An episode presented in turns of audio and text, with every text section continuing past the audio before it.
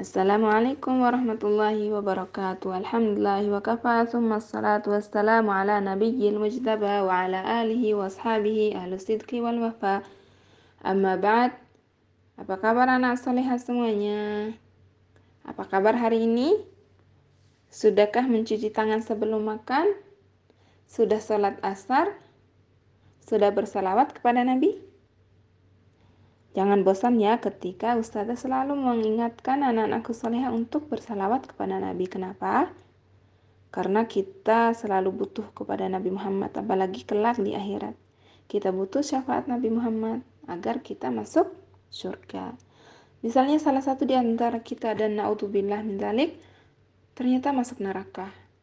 Tetapi karena seringnya dia salawat kepada Nabi waktu di dunia, maka Nabi membantunya. Wahai Allah, Sesungguhnya hambamu yang ini selalu salawat kepadaku di waktu dunia. Maka izinkan dia untuk masuk surga. Maka masuk surga lah hamba tersebut. Nah, karena salawat juga tidak capek ya.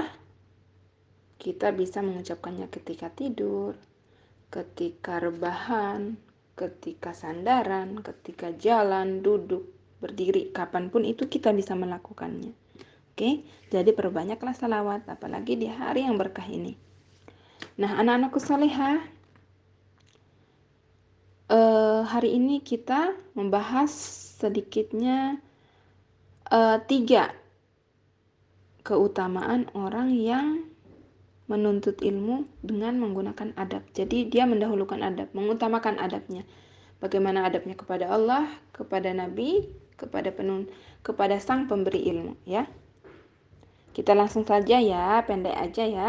Pertama adalah Allah akan mempercepat pemahamannya, akan ditingkatkan kecerdasannya, ya. Apa kata Allah dalam Al-Qur'an? Wattaqullaha wa yu'allimukumullah.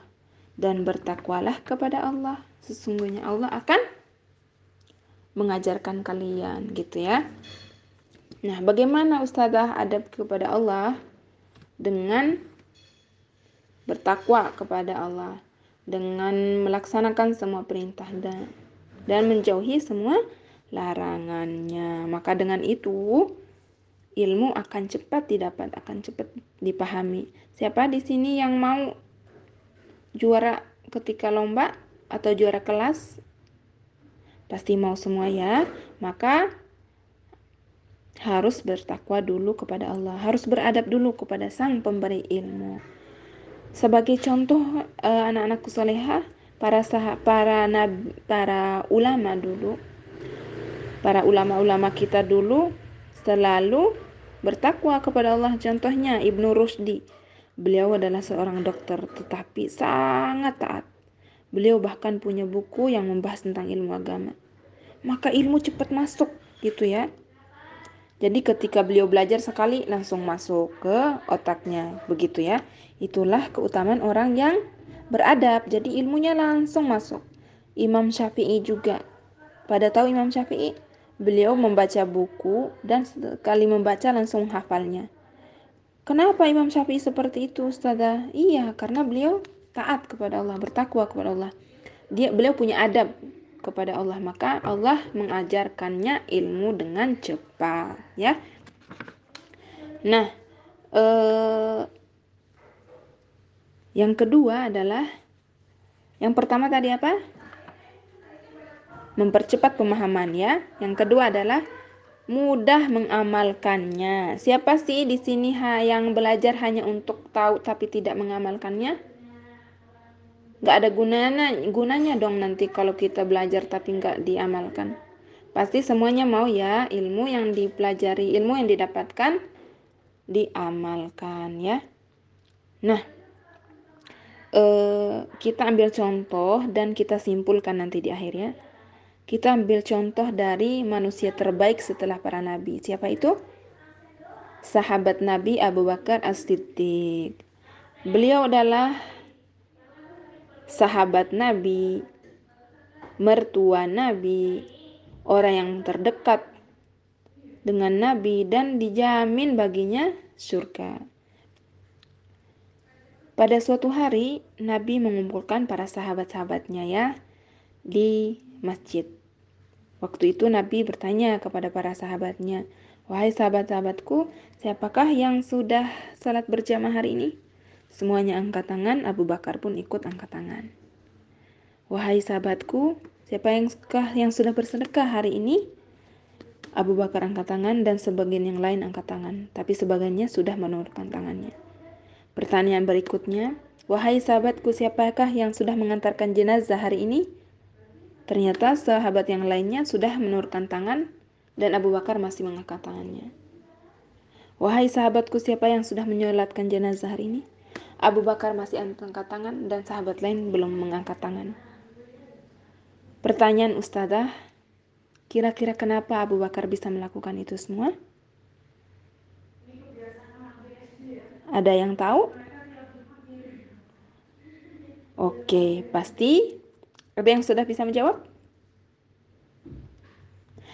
Nah, Abu Bakar bisa melakukan itu semua karena tidak lain kecuali beliau sudah melaksanakan adabnya ketika menuntut ilmu.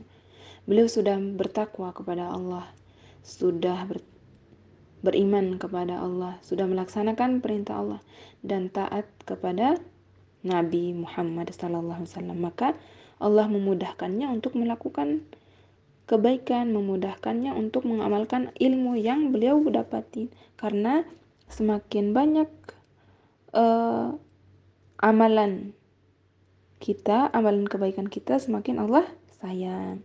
Ya, seperti itu. Nah, pertanyaannya untuk anak-anakku soleha di sini sekarang. Siapa yang sudah bersedekah hari ini? Siapa yang sudah membantu? Angkat tangan. Semoga ada ya. Siapa yang mau masuk surga?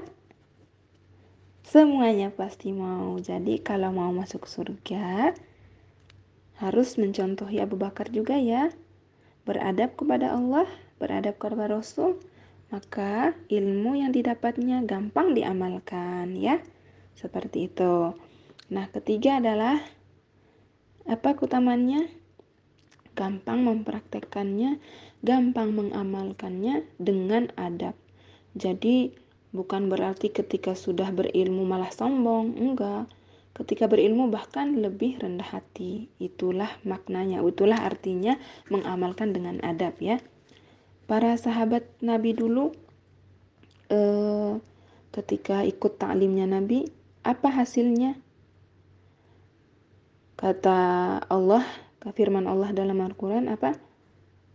Ruhama ubainahum. Saling uh, kasih sayang antara mereka ya. Saling menghormati, saling memberi kasih sayang antara mereka. Kenapa kira-kira mereka ketika setelah mendapatkan ilmu ternyata eh tambah sayang yang dulunya benci sama Nabi, yang dulunya eh, selalu menghina Nabi seperti Umar ya yang dulunya um, mana Muhammad itu? Saya akan membunuhnya. Nah setelah mendengarkan taklim Nabi menjadi orang yang paling sayang sama Nabi ya. Kira-kira kenapa Umar seperti itu? Kenapa Umar kok bisa mempraktekkan ilmunya dengan adab jadi yang dulunya keras jadi orang yang sangat lemah lembut? Kenapa? Nah karena Umar telah melaksanakan adab ketika belajar sama Nabi.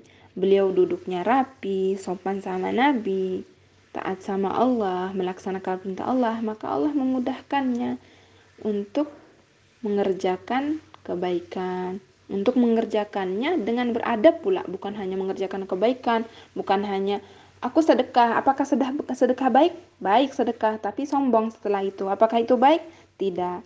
Para sahabat dulu bagaimana? Setelah bersedekah rendah hati. Tangan kanannya bersedekah, tangan kirinya tidak tahu. Itulah mengamalkan dengan adab ya, artinya. Jadi itulah eh, ringkasan dari keutamaan ya. Tiga keutamaan orang yang menuntut ilmu dengan beradab. Pertama tadi apa? Allah akan mempercepat pemahamannya, akan meningkatkan kecerdasannya. Jadi ketika dia belajar langsung hafal, langsung uh, tahu ya. Yang kedua apa? Mudah mengamalkannya, mudah mengamalkan apa yang dipelajari. Dia belajar di sekolah tentang sedekah, hmm, langsung sedekah pas pulangnya. Setelah sedekah, alhamdulillah dapat pahala dari Allah. Yang ketiga, gampang mengamalkannya dengan adab. Bagaimana itu? Ketika sedekah tidak sombong tetapi menutup diri, tidak memberitahu orang-orang bahwa aku sudah sedekah loh, biar ilmunya berkah, biar sedekahnya juga diterima. Begitu ya anak-anakku soleh ya. Sampai di sini saja hari ini.